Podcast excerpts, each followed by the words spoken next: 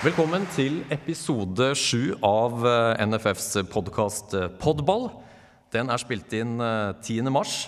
Og i dag Jan Norge, så er vi ikke på Ullevål. Vi snakka jo om TV-serien Heimebane i forrige utgave, og du er jo nesten på hjemmebane i dag. Ja, jeg er på heimebane her. Jeg ble LSK-supporter da jeg lærte å lese. Og selv om jeg er fra Gursken, så lest, lærte jeg å lese ganske tidlig, jeg også. Eh, Så det var i 75, og i 75 så rykka Lillestrøm Sportsklubb opp i eh, førstedivisjon, som det het den gangen. Leda serien helt til Tommy ble skada. Men etter det så har vi dominert eh, idretten i Norge i de, siden den gangen, i 75. Så jeg er veldig glad til å være tilbake her. Har vært her en periode som spiller. Vant serien i 89, og så har jeg vært her en periode som manager. Da var høydepunktet cupen i 2007. Og selvsagt veldig, veldig glad for at vi også vant cupen i fjor. Vi må før vi glemmer det, rette en stor takk til Akershus eh, fotballkrets, som har invitert oss hit. For det er eh, kickoff. Her er en rekke klubber samla. Det er straks eh, sesongstart. Og vi har jo da et eminent panel som vi skal introdusere. Vi starter med styreleder i Gjelleråsen, Leif Brandeggen. Og her fikk vi det synlige beviset på at vi altså er unplugged på Lillestrøm. Dette er ikke sånn som TV-programmene som har sånn jukseapplaus. Dette er reelt. Så har vi Hege Riise, LSK Kvinner.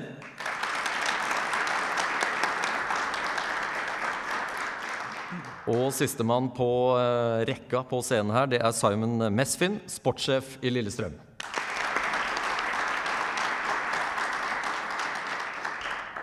Nå har vi eh, smertelig erfaring at tida går veldig fort i eh, podball, så det er jo litt farlig å annonsere alt vi skal innom. Men eh, tanken er i hvert fall å snakke om samarbeidet mellom toppklubb og breddeklubb. Hva, hvordan jobber Gjelleråsen, som er en kvalitetsklubb? Og hvordan er samspillet mellom LSK på herre- og kvinnesiden? Det er tre overskrifter, og så vet alle som hører på oss at vi av og til ramler innom alt mulig annet. Når Fjørtoft er på scenen, så blir det gjerne både seks og sju andre temaer. Så vi ser mange vi kommer opp, eh, opp med i dag. Yes, Er vi klare, Jan Åge? Vi er klar. Vi Vi er klare. klar. Ja, det er bra. Vi starter med, med deg, Leif. Eh, Gjelleråsen, du må plassere klubben på kartet for, eh, for lytterne. Hva slags eh, klubb er Gjelleråsen? Ja, Gjelleråsen vi holder til i Nittedal eh, og er en stor breddeklubb og en kvalitetsklubb. Eh, Vi har eh, ca. 800 spillere og, ja, og har en, eh, i underkant av 80 lag. Eh, Og har eh, ja, spilt fotball siden 1935. Når du sier kvalitetsklubb, så vet de fleste her hva det er, kanskje. Men neppe alle som hører på. Hva ligger i kvalitetsklubb-begrepet? Eh, Kvalitetsklubb er jo Norges Fotballforbund sitt sertifiseringsprogram for, for klubbdrift og optimal drift av, av en fotballklubb. Eh, vi ble sertifisert eh, i, eh, for et år siden. Og det favner jo liksom fra A til Å innen klubbdrift. da. Altså sport, økonomi, organisasjon, samfunnsansvar. Ja, flere områder. Hva er viktig for din klubb i samspillet mellom LSK, som er den, den store klubben i kretsen? Nei, altså For vår del så vårt utgangspunkt er jo å drive med spillerutvikling og, og, eh, og sørge for at eh, spillere blir sett eh, på, på alle nivå, egentlig, uavhengig av alder og, og kjønn. Så det er det viktigste for oss. Og parallelt da, gjennom å, å ha fokus på spillerutvikling og, eventuelt klare å løfte fram noen som, som vil yte det ekstra, så, eh, så er jo det, så er det konsekvensen av bra klubbarbeid. Og, hvis vi kan levere noen til Lillestrøm som er konsekvens av det, så er det kjempebra. Simon, det er du som eh, gir oss disse gode knitrelydene i mikrofonen. Nei, jeg skal ikke, skal ikke mobbe deg. Nå er det din tur, nemlig. Hva, hva, hva gjør Lillestrøm som, som storebror i, i regionen her? Hva gjør dere for Gjelleråsen og de andre breddeklubbene? Er dere deres ansvar bevisst? Ja, eh, jeg kan i hvert fall snakke for det vi skal gjøre nå framover. Eh, og det er eh, veldig mange tiltak. Jeg tror ikke jeg skal gå gjennom alle. Det er i hvert fall tolv eh, veldig fornuftig tiltak eh, i samarbeid, i sterkt samarbeid med Akershus eh, fotballkrets, eller NFF Akershus som det heter nå. Eh, vi snakka litt på bakrommet, eh, jeg og Leif og, og vi andre. Eh, det er klart at LSK eh, kunne sikkert vært mye flinkere til å være ute i, i lokale klubber. Det har vært en periode over kanskje ti år nå hvor, hvor klubben har måttet ha veldig sterkt fokus på, på det indre liv. Men nå, nå, har man gjort store investeringer i f.eks. en utviklingsavdeling som gjør at man har langt flere ressurser eh, som man kan bruke ut mot krets og, og ut mot de lokale klubbene. Eh, jeg vil jo også benytte muligheten, da, når det er så mange lokale klubber her eh, i dag, eh, til å si at eh, Lillesund sportsklubb er alltid åpen for å ta imot innspill på hvordan dere selv ønsker et skreddersømt bidrag. Da. Fordi det er klart at i en travel hverdag så er det ikke alt man kanskje tenker på at en lokal klubb trenger. Ehm, jeg sjøl har vært en del av en lokal klubb i mange år, i Skjetten sportsklubb, og skjønner at det er, det er vanskelig Eh, når man er få ressurser og det er, det er, få som gjør mye for å skape aktivitet ute i lokale klubber. Og vi, vi er veldig interessert i å bidra med det. Men sånn, eh, for å ta noen eh, grove trekk, det er jo hvordan man bidrar, så ønsker man å bidra til både spiller- og trenerutvikling. Og man har satt i gang et prosjekt nå hvor man har invitert lokale klubber til å invitere eh, sine trenere inn til oss eh, til moduler med, med trenerutdanning. Eh, ved siden av det NFF-stigen eh, tilbyr, da, eh, som de fleste sikkert kjenner til. I tillegg så har vi veldig mange nasjonale tiltak som vi ønsker å bidra til at de, de fremste spillerne i de lokale klubbene får mulighet til å prøve seg og bryne seg mot sterkere motstand uten at de nødvendigvis trenger å, å melde overgang til Lillesund sportsklubb. Så det, det, er bidrag som vi sammen med kretsen står for økonomisk. Eh, det skal ikke koste Eh, de lokale spillerne og de lokale klubbene nå. Eh, det er både tiltak som vi gjør i LSK-hallen, men også tiltak på å spille mot Rosenborg, Haugesund, Bodø-Glimt og andre toppklubber, hvor, hvor, kanskje en spiller i Gjelleråsen eh, trenger litt ekstra å bryne seg på. Og da, da, da har vi det tilbudet med hospitering. Eh, så det, det, det, er noe av det, det vi gjør. Hege, vi går videre til deg. 188 landskamper og 58 mål. Stemmer. Det er verdt en applaus. Det er veldig sjelden vi har gjester med en sånn CV. Du er klar over det? Ja, det er Det er bra. Hallo. Fjørtoft, beklager. Du når henne ikke til anklene. Eh, Simon snakker om ressurser. Eh, det vet vi at det er en enda større utfordring på, på jente-kvinnesida. Hvordan kan da LSK kvinner dele kompetanse og uh, overføre det til breddeklubbene? Ja, nå fra 2017 så fikk vi jo midler til en toppspillerutvikler. Det, da endelig kan vi se oss litt rundt og være en større bidragsyter ut til andre klubber. Og følge opp eh, de beste spillere litt bedre. Det som vi gjorde før det, var jo å organisere oss opp. Hvilke klubber er det som er sterke på jentesida? Hvilke klubber skal vi besøke? Og så hadde vi da fire til seks klubber hvor vi besøkte en tirsdag ettermiddag. Alle samtidig, hvor vi sendte spillere og en trener ut.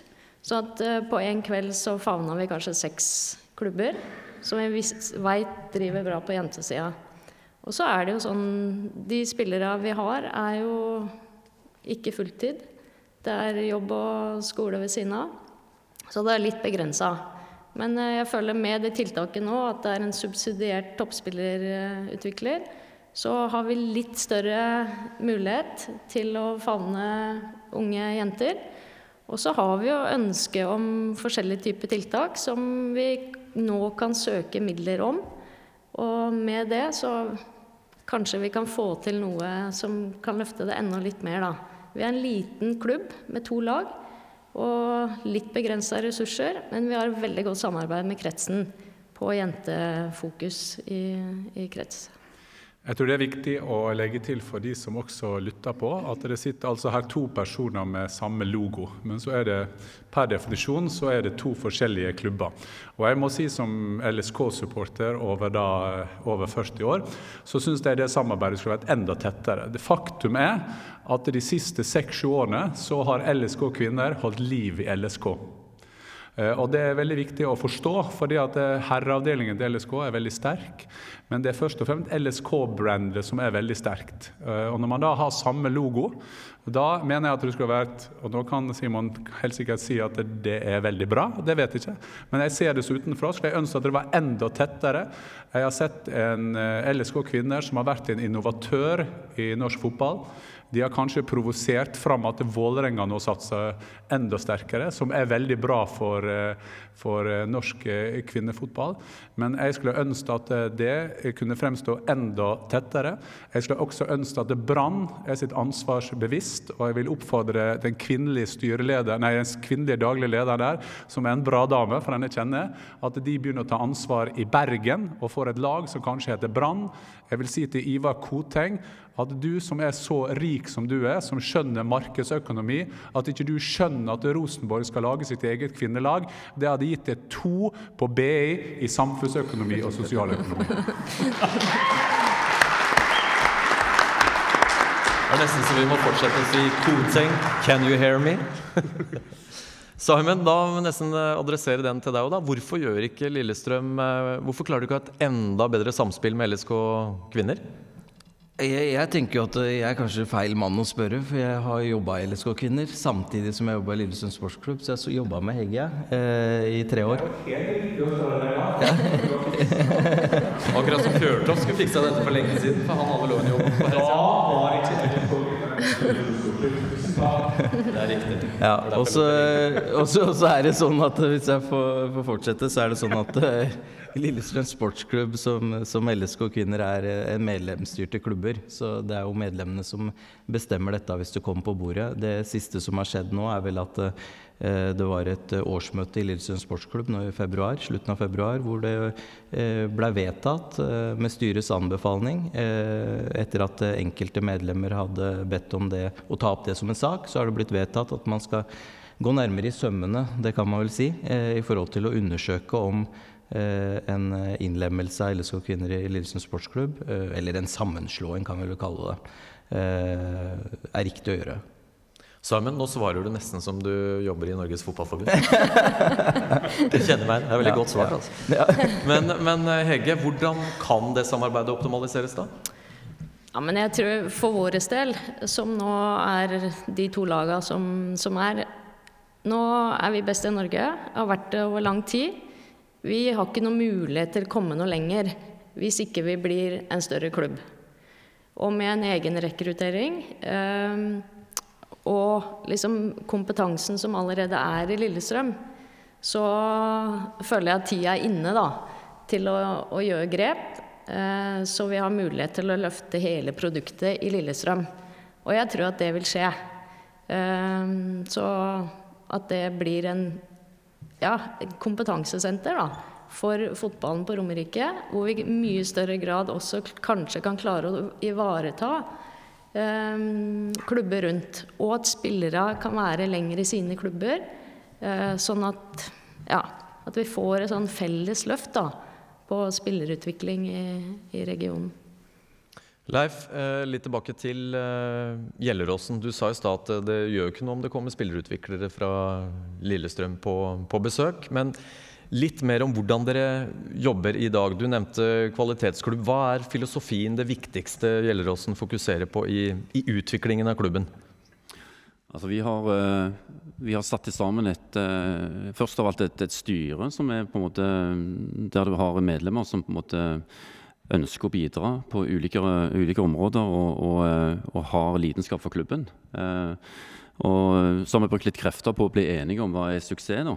Eh, sånn at, det, ja, at styret er samkjørt. For det ser vi jo av erfaring at, at styret og, og, de som er det utøvende ledd, altså sport og, og trener, at de går hånd i hånd. Og det brukes ganske mye ressurser tror jeg, på kryss og tvers på litt uenighet kanskje der rundt omkring. For vår del har det fungert veldig bra. Uh, vi har uh, en sportsplan som ligger i bunn, uh, som er godkjent av klubb og krets og forbund. Og som er på en måte klubben sin bibel. Og, og, så har vi lagd en, en, femårsplan da, på hvor vi ønsker å gå. sånn at vi, vi sammen liksom jobber mot det. så det er liksom ingen tvil om hvor, hvor klubben vil hen.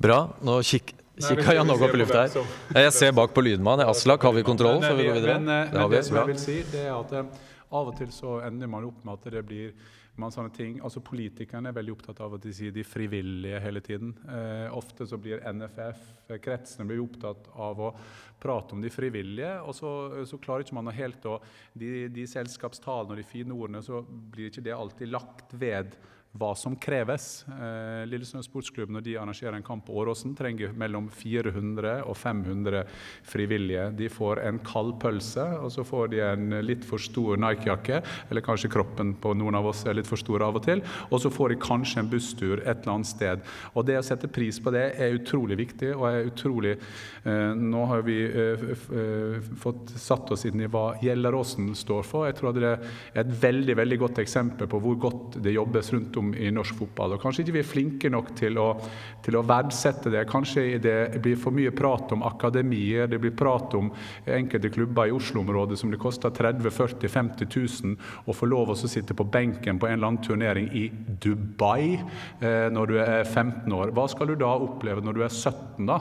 Skal du få med deg dame eller kjæreste på, på, på lasset når du da drar på neste trening? Vi må tilbake til den perioden da norsk herrefotball var ganske bra. Tilfeldigvis var jeg en del av den gjengen. Det var ikke forsøk på å ta en sånn. Men faktum er at i den perioden så kom de fleste spillerne fra veldig veldig små klubber. Vi visste ikke hvordan akademi engang ble skrev, skrevet. Da jeg var 14-15 år, så kom far min og så sa det at han skulle bli trener. Og så sa han det at ja, men så sier jeg, du har jo et problem, halve året er jo du på sjøen. Nei, Det hadde han løst ganske bra, da, for at det var han styrmannen på det andre skiftet som skulle vært trener. Han hadde to store problem. Han var verken bakgrunn som fotballspiller eller trener. Så fem år før jeg debuterte på herrelandslaget i fotball, så hadde jeg Olav på det andre skiftet som trener. Jeg prøver, jeg prøver ikke å si det at det skal bli sånn som i gamle dager, for tidene forandrer seg. Men vi er nødt til å ha full fokus på å skolere trenerne. Eh, Og istedenfor å angripe fedrene og mødrene som da gjør en innsats eh, som trenere, så må vi heller bruke tid på å finne ut hvordan vi skal skolere dem best mulig, slik at folk blir gode fotballspillere, men også blir gode mennesker som kan fortsette i en eller annen stilling et eller annet sted i samfunnet. Hva tenker du om eh, Ja. Det er ikke hver dag Fjørtoft får applaus, så vi får ta med oss det. Vi er på Lillestrøm, altså. Jo, nei, altså det, det er jo ikke det er jo lett å være, å være enig med, med, med Fjørtoft. Jeg, eh, jeg synes jo at Vi må jo også si at eh, det som kom av signaler fra, fra NFF Og jeg var selv på, på tinget sist helg, og jeg, som jeg personlig likte. Det var veldig mye spennende. Veldig mye spennende signaler. Eh, Men eh, på vei hjem så tenkte jeg at du øker jo kompleksiteten Altså Ambisjonsnivået nå eh, skal jo liksom gjennomføres, og det er jo klubbene til slutt som sitter med ansvaret for gjennomføring. Og jeg tror det, det er hvert fall ekstremt viktig å, å se nå at eh, ja, frivilligheten er vi helt avhengig av. Eh, men samtidig så er det, så er det jo òg Det tvinger seg fram nå eh, å bli mer profesjonell på, på breddeklubbnivå også. For, for vår del konkret så betyr det å ansette to, to stillinger. Bra, Leif. Det er litt spraking i mikrofonen, men vi tåler det så lenge det er unplugged. Men kanskje du bare skal ta den, eh, ikke tabellmikken, men den ledningen bak deg. Bare legg den oppå bordet. Tror du rett og slett bare er litt dårlig, dårlig ledning. Men det tåler vi. Men for å snakke om eh, frivilligheten og gå videre på det Jan Åge var eh, inne på her. Hvordan ser du den balansen mellom å skolere foreldretrenere kontra å ha lønna spillerutviklere fra, fra dag én? For det er noen som kanskje fokuserer vel mye på det siste og tror at her skal vi utvikle norsk fotball uten den gode, gamle foreldretreneren. Og det er kanskje vanskelig. Ja, nei, det, det må nok en, en kombinasjon. De fleste, jo, eh, de fleste klubbene driver jo på frivillig basis. Og, men vi ser iallfall i, i vår klubb, som, som da har en 800 pluss spillere og 80 lag du skal manøvrere, så er det ganske tøft å gjøre det i tillegg til full jobb. Eh, eh, og i tillegg da skal være kvalitetsklubb, og i tillegg eh, gjennomføre ja, de krav og forventningene som kommer fra, fra krets og, og forbund. Eh, så jeg, jeg har nok tro på Hos oss er det jo sånn at vi spesielt på jentesiden, vi er jo en av de klubbene som har jentelag på alle nivå. Eh, og det skyldes jo et fantastisk engasjement på foreldresiden. Ellers hadde vi ikke hatt nubbsjanse. Eh, vi har jo parallelt prøvd å rekruttere trenere inn på jentesiden fra eksternt. Og, og i fjor hadde vi 20 telefoner til eksterne trenere og fikk nei fra alle. Så det er jo klart at det, av en eller annen grunn.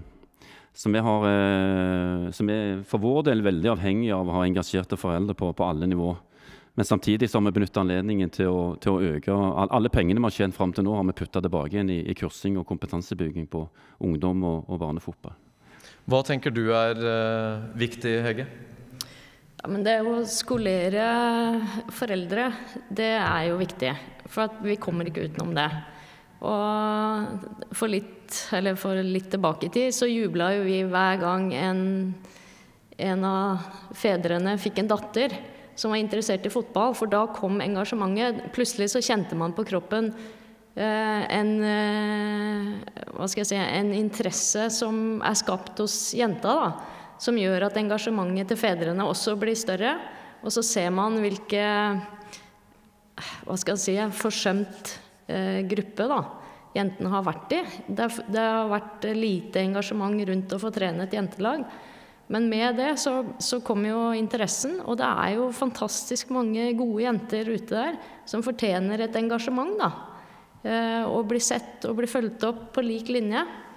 Og gjennom det så skaper man jo også gode spillere og gode personer. Så det er viktig. Skolering. Bra. Nå sitter Fjørtoft og taster febrilsk på mobilen. Det ser jo ikke dere som hører på, men de som er i salen her, ser det. Nå er jeg spent på hva, du, hva slags research du gjør, Fjørtoft.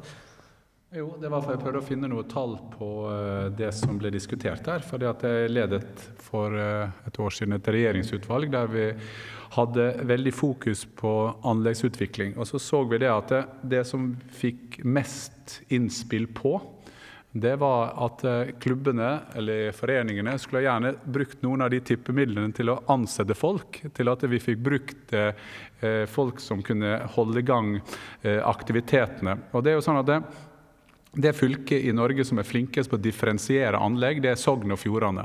Og Et av forslagene vi hadde, det var at du kanskje skulle differensiere denne anleggsbygginga i hele landet. For Der jeg kommer fra, Gursken, der har vi to, nei, to eh, fotballbaner på, på 900 mennesker.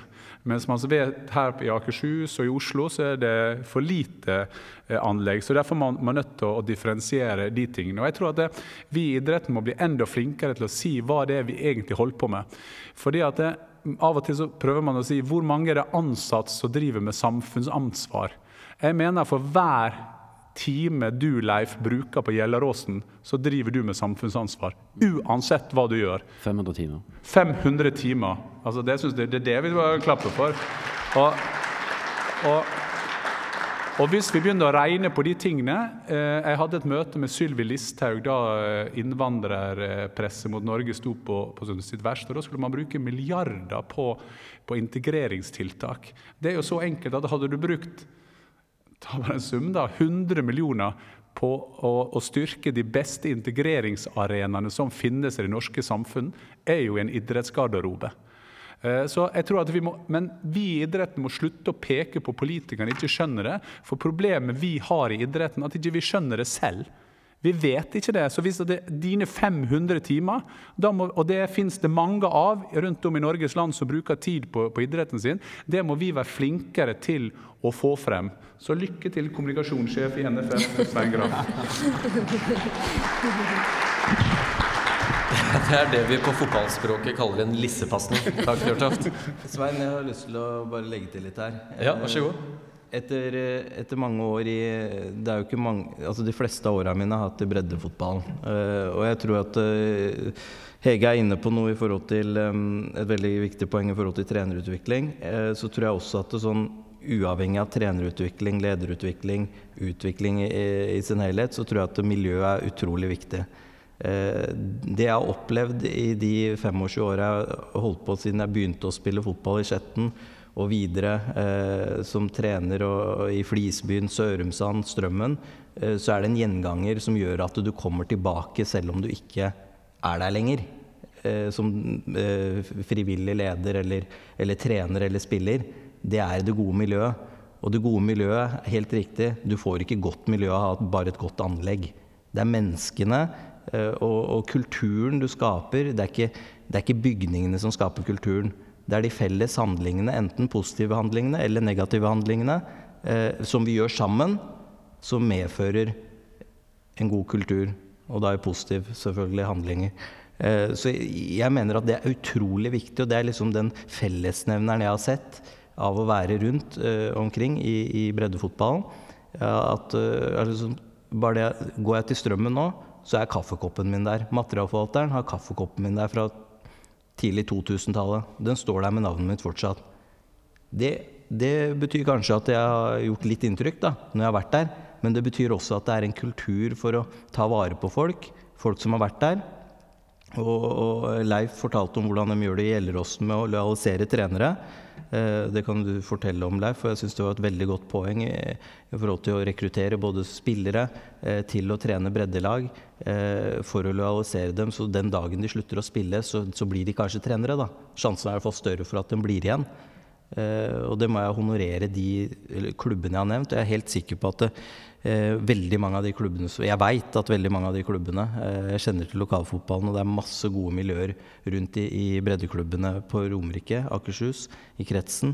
Eh, så jeg bare liksom bygger videre på det. For det, eh, jeg tror at det er det som gjør også at flere av de som sitter i salen her, holder på med det de holder på med. For de får ikke nok honnør eh, for det de gjør. For jeg er sikker på at de aller fleste av dere har jobb ved siden av. Unger eh, og alt det der. Og vi som har unger i hvert fall, veit at det er mye å stri med der òg. Så det er, eh, du, du har ikke mange, ti, eh, mange, timer av døgnet å handle på. Og det er sikkert veldig mange som også gjør det etter at unga har blitt store.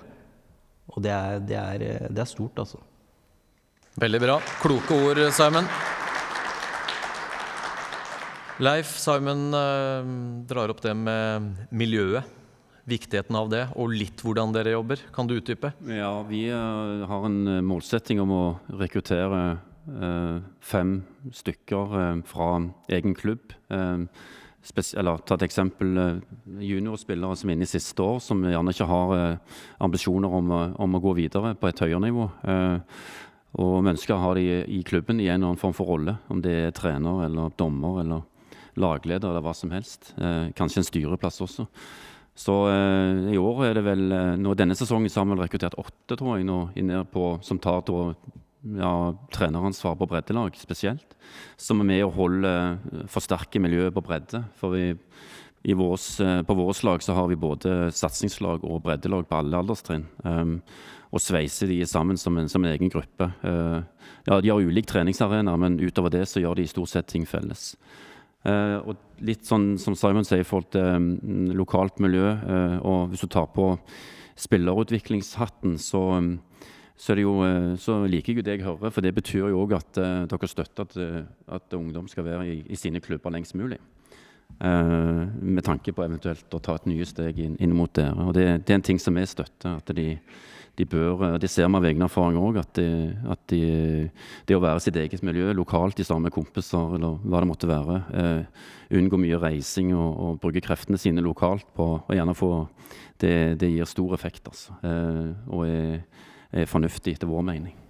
Ja, for Det Leif snakker om, er at vi eh, inn mot eh, den sesongen her, eh, så er det gjort veldig mye arbeid i forhold til både kvalitetsklubb og akademiklassifiseringen, som toppklubbene har vært igjennom, som på en måte kan ses på, på samme prosess som kvalitetsklubb, men en del andre ting som man også må, må vise til.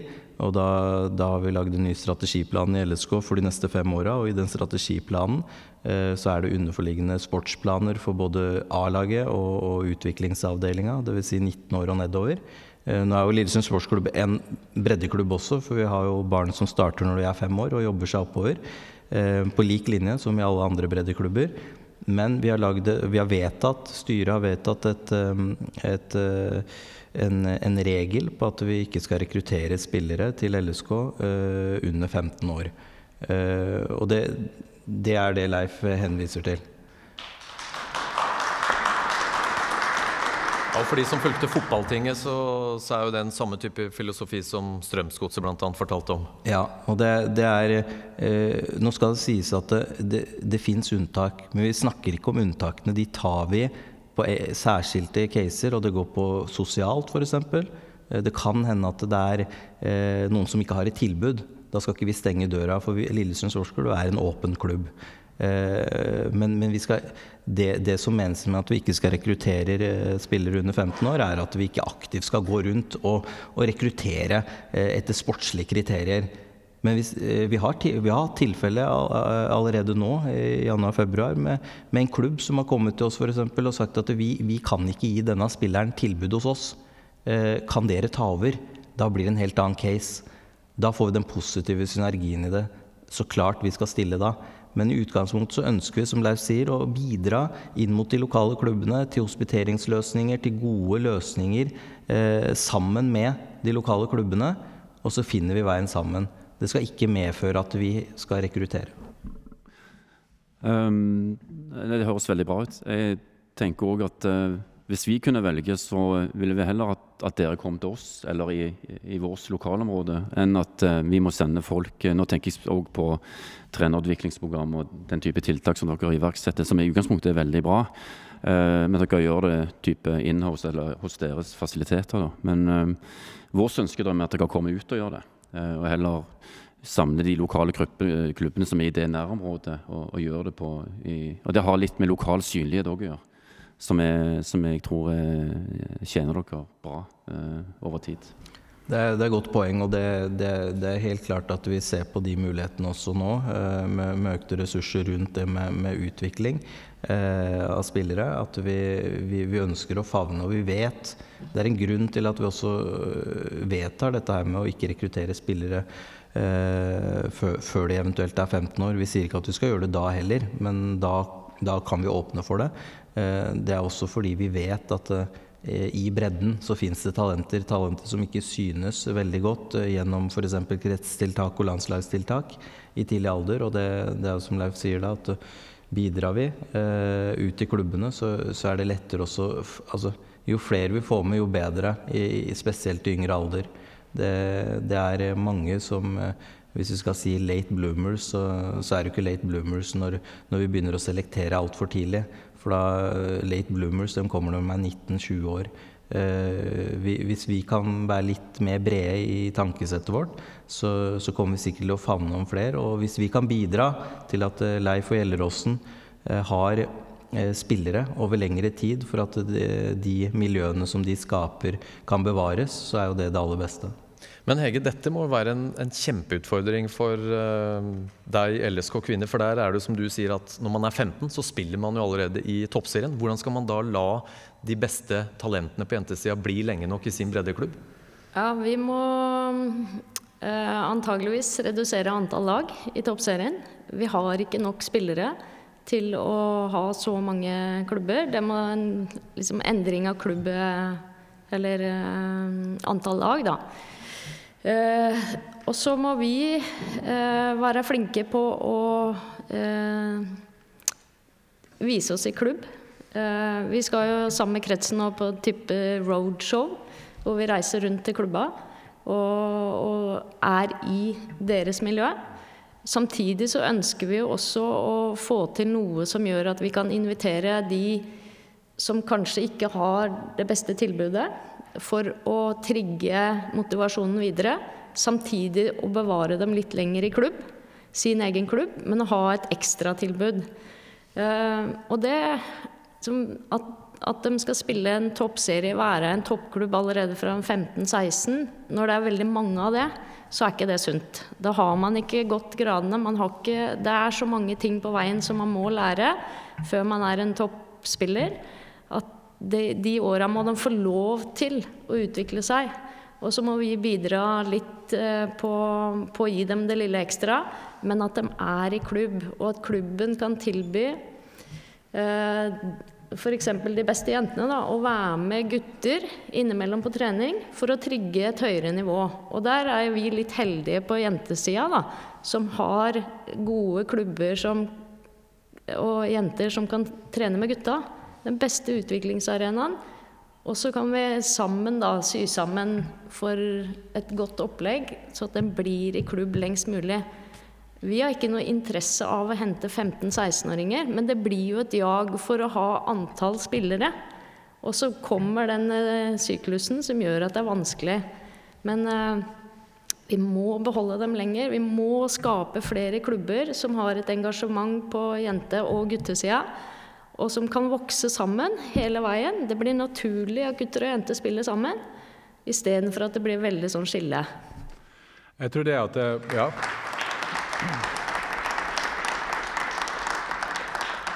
Det, det er jo en sånn liten revolusjon nå i norsk fotball med å få fram jentefotballen. Det er flere av de store samarbeidspartnerne som eh, snur mer eller mindre eh, en del av de økonomiske tilskuddene til fotballen inn mot kvinner. Senest nå var jo Thon Hotels som sa at jo, vi kan gjerne fortsette, men da vil vi ønske at mer av pengene skal brukes på, på klubbene. Eh, hvis jeg får lov da å ta de der eh, ut fra Glomma, så får jeg ta de elvene som går ut fra Glomma, så får du hente min igjen, Svein. Så er det sånn at Ja, det er det er litt faktum. Faktum er jo at jentefotballen er Norges nest største idrett. Det, ja, men det, det er litt viktig å få med seg det. Det er også viktig å få med seg de nyansene som ligger i debattene. Jeg elsker de store debattene. På ene siden så kan vi spørre oss skal alle ungene i Norge spille fotball. Skal, er vi kanskje enda mer troverdige hvis at vi som storebror eller storesøster sier det at det, de kan holde på med andre idretter. For vi vet jo det er 0,0001 som blir toppspillere eller proffspillere ute i Europa. Det syns jeg er en ganske interessant diskusjon. Men så er jo jeg veldig ambivalent i forhold til det der. For jeg blir jo sånn jeg er veldig glad i idrett, men så blir jeg også veldig sånn såra hvis noen angriper idretten min. Eh, Og de siste dagene, rett etter OL, det var vinter-OL, og da vant vi alle gullene nesten som ble gjort eh, i, i, i Korea. Eh, ja, vi gjorde nesten det. Eh, og så kommer VM, og så er det NM i Kollen.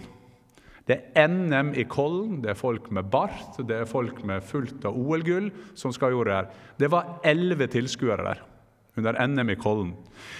Grunnen til at jeg sier det, er ikke for å kjefte på andre idretter. Snarere tvert imot. Jeg skulle ønske det var 70 000 i Kollen, og jeg håper de får en fantastisk helg nå.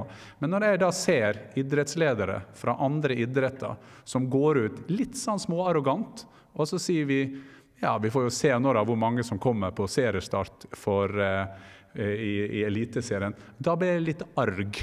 Fordi at det, uansett, når LSK spiller sin første kamp, om det er minus sju grader på Åråsen når man spiller sin første kamp eh, neste helg eh, på hjemmebane, så kommer det likevel til å komme 6000-7000 tilskuere. Så jeg tror at det, vi må av og til tørre å ta begge debattene. Kanskje vi i fotballen blir litt arrogante av og til. At alle skal drive med fotball. Det tror jeg kanskje er feil.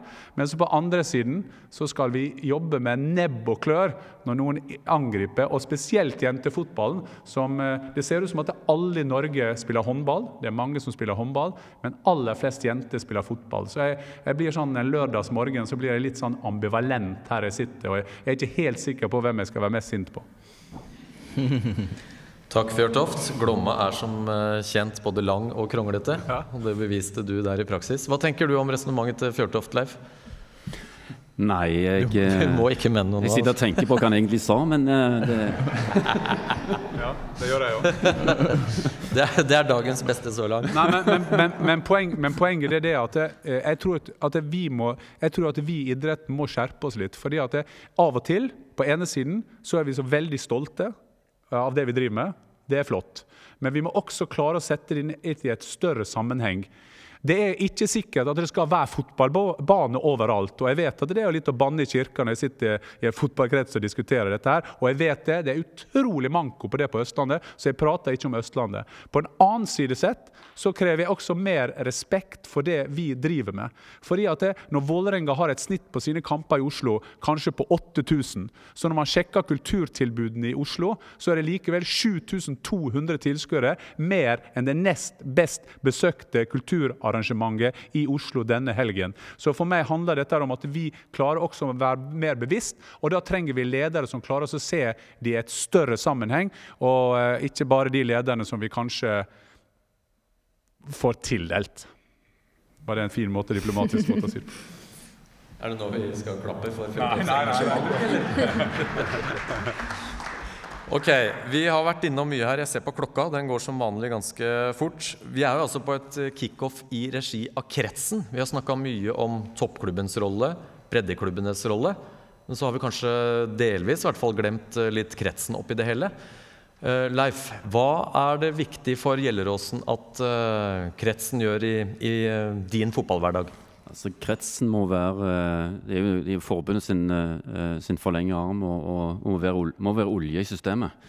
Sørge for at uh, de tingene som ligger på et overordnet nivå, blir, blir kanalisert og, og, og lagt til rette for klubbene, slik at vi får optimal gjennomføring. Jeg tenker at mye av altså Ambisjonsnivået nå føler jeg, eller jeg ser ut ifra det som kommer fra forbundet sentralt, det er jo Eh, ser jeg vil legge et større press på oss som, som breddeklubb eh, på mange mange områder. Og eh, som igjen setter, pri, setter press på kompetanse, organisasjon og ikke minst økonomi. Så, så, der tror jeg faktisk et, av de områdene vi kanskje må, sette oss ned og se på, hva, hvordan det kanaliserer pengestrømmen, og hvordan kan kretsen eventuelt være med å bidra inn mot, mot, mot, direkte mot klubb da, på, på ulike typer områder. Men det du sier nå er at NFF og kretsens ambisjoner de er såpass store at hvis uh, dere skal henge med og, og levere, så, så, er det ikke nødvendigvis økonomi, ressurser til det. Du dro jo ett eksempel på bakrommet her før vi gikk på, på scenen i forhold til å ha talenter som er på sone og, og kretslagstiltak. Ja, ja, det kan du jo dele med salen. For så vidt et konkret sag med altså For vår del så sender vi av gårde ca. 30 spillere, jenter og gutter, på, på sone- og kretslagssamlinger. Og uh, det koster klubben uh, 40 000-50 000 kroner. Um, og uh, vi har jo ett lag som, som, bare alene er 14 stykker, som deltar på ei sonetrening i, i, uh, i, naboklubben. Eller på et steinkast ifra. Um, og det betaler vi penger for. og det, Sånn sånn er systemet i dag. Hvordan burde det være? Nei, det, Til mitt mening så burde det vært gratis. Uh, sånn at uh, de 30 40 50 000 kronene som vi bruker på det Og det er jo, det er jo kjempegreit at vi får sende av gårde de spillerne, og, det, og sånn, sånn, skal det være òg. Uh, men vi kunne f.eks. brukt de til å lønne en UFRB-trener i barnefotball, som ville vært banebrytende hos oss. Simon, ja. du har noe på hjertet? Ja, jeg har noe på hjertet. Det, jeg er jo enig med Leif. og jeg tror det, det her er jo ren ABC i økonomi. Eh, jeg tror at eh, NFF må innvilge, eller bevilge kretsene mer penger, så, og det er veldig lett å si det, men mer penger, sånn at kretsene kan bevilge, eller slippe å, å hente inn disse gebyrene.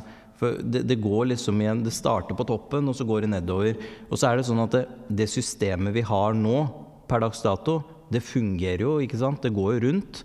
Eh, så så lenge det går rundt, så, så, er det jo enkelt å se at eh, ja, men dette fungerer. Men det er jo sånn at kretsen Jeg er sikker på, uh, uten at jeg har sett kretsens regnskaper, så jeg er sikker på at de ikke bare krever inn gebyrer for alt og ingenting til, til, nytte og unytte. De gjør det jo for å få hjulet til å gå rundt. men så ender regninga til dels opp hos, hos klubba. Og det, det, den kjenner jeg til. Og den Hvis, hvis, hvis Altså vi snakker om, det, På fotballtinget så var det gode diskusjoner hvor, hvor Paco også bl.a. tok opp eh, en del ting i forhold til landslagsskolen og, og, hvordan man kan favne bredere da, og ha flere tiltak. Det koster masse penger. Eh, det vet vi jo. Eh, og det er en grunn til at man må veie tiltakene på hvert landslagsnivå, på aldersbestemte landslagstiltak, både på jente- og guttesida. Eh, men så har du dette under der igjen, og det, det handler om krets. Og det igjen handler om klubb. Så det henger jo sammen, dette her. Så jeg håper at det er muligheter i framtida å bevilge mer penger til, til, krets, sånn at uh, kretsen kan slippe å, å, avkreve de som sitter i salen her, eh, en del gebyrer, sånn at de kan bruke det inn mot sin egen satsing i klubb. Er salen enig?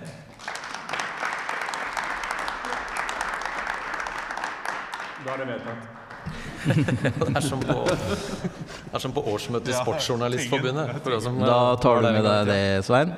Hva sa du? Da lover du å ta med deg det videre inn? Ja, ja. Dette er jo, vi, vi har jo på opptaksknappen her, så dette er jo Vi har det tydelig bevis. Nei, vi skal ta med oss det inn. Og så sitter det jo mange fra kretsen her. Så eh, det er notert, som det heter. Vi har noen få minutter igjen, og da tenkte jeg at vi kunne snakke litt om seriestarten. Vi har altså LSK kvinner, vi har eh, LSK-gutta og Gjelleråsen uh, representert. Det er jo det det handler om til sjuende og sist. Aktivitet, det som skjer på banen. Leif, hva er ambisjonene til uh, Gjelleråsen i 2018-sesongen? Uh, Gjelleråsen skal spille i tredjedivisjon og, og skal være på øvre del av tabellen. Bra. Klart og tydelig. Hege, LSK kvinner? Ja, nei, men vi, vi har lyst på et nytt gull. Vi føler at vi har eh,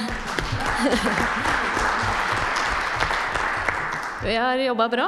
Vi har eh, stramma til litt fra vi møtte Manchester City. Vi ser jo at lista ligger høyt, så vi har justert litt i forhold til det. Og håper at vi skal fortsette der vi slapp i 2017.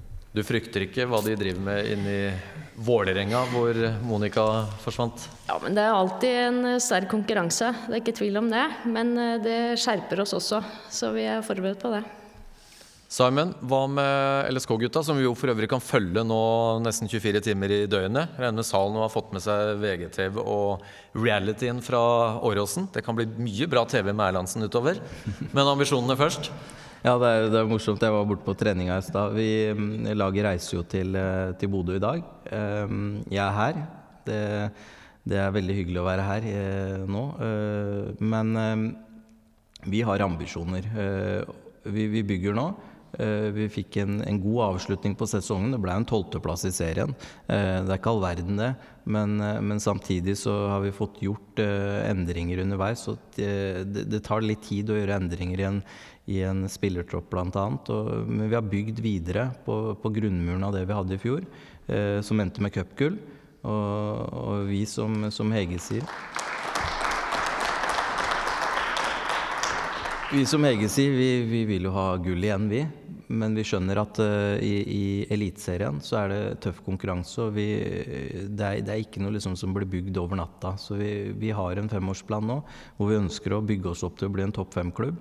Uh, stabilt. Uh, og det, skal man gjøre det stabilt, så nytter det ikke å være der oppe ett år og så, og så ned igjen. Så det vi håper på nå, er at vi kryper oppover tabellen. Og, og jeg ser at det er veldig mange som har tippa oss på sjette syvende, femteplass. Eh, hadde jeg fått syvendeplass i dag, så, så, hadde jeg tatt imot den. Eh, da hadde vi vært veldig fornøyd med det. Eh, så tror jeg altså toppnivået vårt er sånn at vi kan, kan være helt oppe og, og, og, kjempe blant de fire-fem. Og så må vi etablere oss på et laveste nivå som gjør at vi ligger stabilt der oppe. Før Fjørtoft skal få oppsummere og spå litt på vegne av uh, Akershus fotballkrets her. Hva med, hva med, realityen som jeg nevnte? Hva kan de i salen og de som hører på vente seg i ukene som kommer? Jo, det er jo Altså, vi går jo rundt med sånn myggmikrofon eh, i flere timer. Så jeg anbefaler på det sterkeste VG-teamet er jo med opp til Bodø. Så der anbefaler jeg på det sterkeste å følge med på vg.no, for det kan skje mye rart. Eh, det bygges opp til en del karakterer i spillergruppa nå. og Arne går jo bl.a. med mikrofon og kanskje vil ha mikrofon på seg under hele kampen også.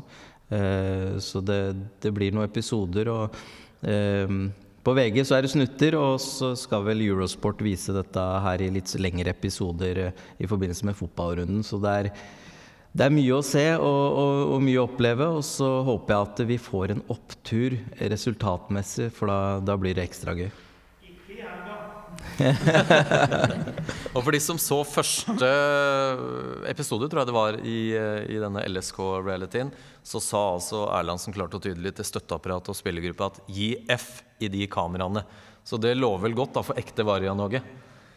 Ja, nå har jo jeg spilt sammen med Erlandsen, og jeg kjenner jo Erlandsen veldig godt. Og jeg har jo eh, visst at han har på seg den mikrofonen 24-7, så kommer dette her programmet til å bli mer populært enn 'Keeping Up with the Cardations'. Det kan jeg iallfall bare si her og nå. Eh, jeg vil avslutningsvis eh, si det at jeg tror det er veldig viktig at Lillestrøm sportsklubb fremstår som en klubb som ikke folk er likegyldige til. Det tror jeg er veldig viktig. Vi har hatt en periode nå hvor man, man kanskje har har tenkt litt sånn at nå er Lillestrøm sånn som Odd og en del andre klubber som eh, Det var veldig dumt sagt. Men, eh, eller andre klubber, da. Eh, en del andre klubber som ikke folk skriver så mye om, eller så bryr seg så mye om. Jeg vet at Simon er en, en, en som bygger sten for sten, og det skal man gjøre. Men det er også viktig, sånn som Erlandsen er en kulturbærer av hva som LSK var lang, lang tid tilbake. Så, så tror jeg det at det på innsiden det er et godt eh, grep for å åpne klubben. Jeg kommer fra et sted hvor eh, vi lærte når vi var små at vi skal gjøre døra i høy, gjøre porten vid. Eh, så, men nå har jeg da meldt meg ut av statskirka fordi at jeg ble så lei av sånne gamle menn som løper rundt i kjoler og prater nedlatende om homofile. Så derfor meldte jeg meg ut av statskirken. Eh, men jeg tror det er veldig viktig at Lillestrøm lar den porten både være høy og vid. fordi at jeg opplever at LSK er en åpen klubb, eh, men kanskje ikke alltid vi er flinke nok til å si det. Det, det er en veldig sånn lita dør der oppe ved parkeringsplassen når du går inn i kontoret. Det er nesten vanskelig vanskelig å se hvordan man skal komme til klubben. Så jeg håper at, det, at LSK eh, skal være den klubben med at man er et lokomotiv i, i, i, nærmiljøet, men også et lokomotiv i norsk fotball, for det trenger man. Derfor var cupgullet så viktig. Og så håper jeg at når dere er i lokomotivet, at dere tar med dere LSK kvinner og gjør sånn at de skal konkurrere med de beste ute i Europa. Nå skal jo begge klubbene ut i Europa, så det er jo en fantastisk mulighet til å omsette fine politiske ord på et årsmøte til å gjøre noe konkret. Og så drar dere sammen ut i Europa og gjør norsk fotball stolt.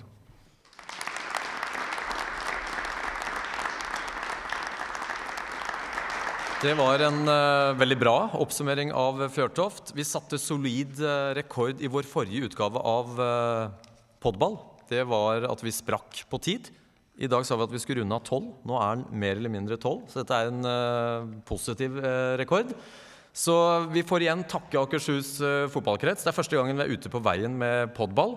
Vi håper det blir mange flere. Og så takker vi panelet, Leif, Hege og Simon. Ønsker dere en riktig god uh, fotballsesong. Og så kan det hende det blir fotballreality i NFF-regi òg. Jeg sa til Jan Åge Stad da skal den hete Nådeløs åpenhet. Så får vi se om vi klarer det. Så takk til alle som hørte på, og en riktig god sesong.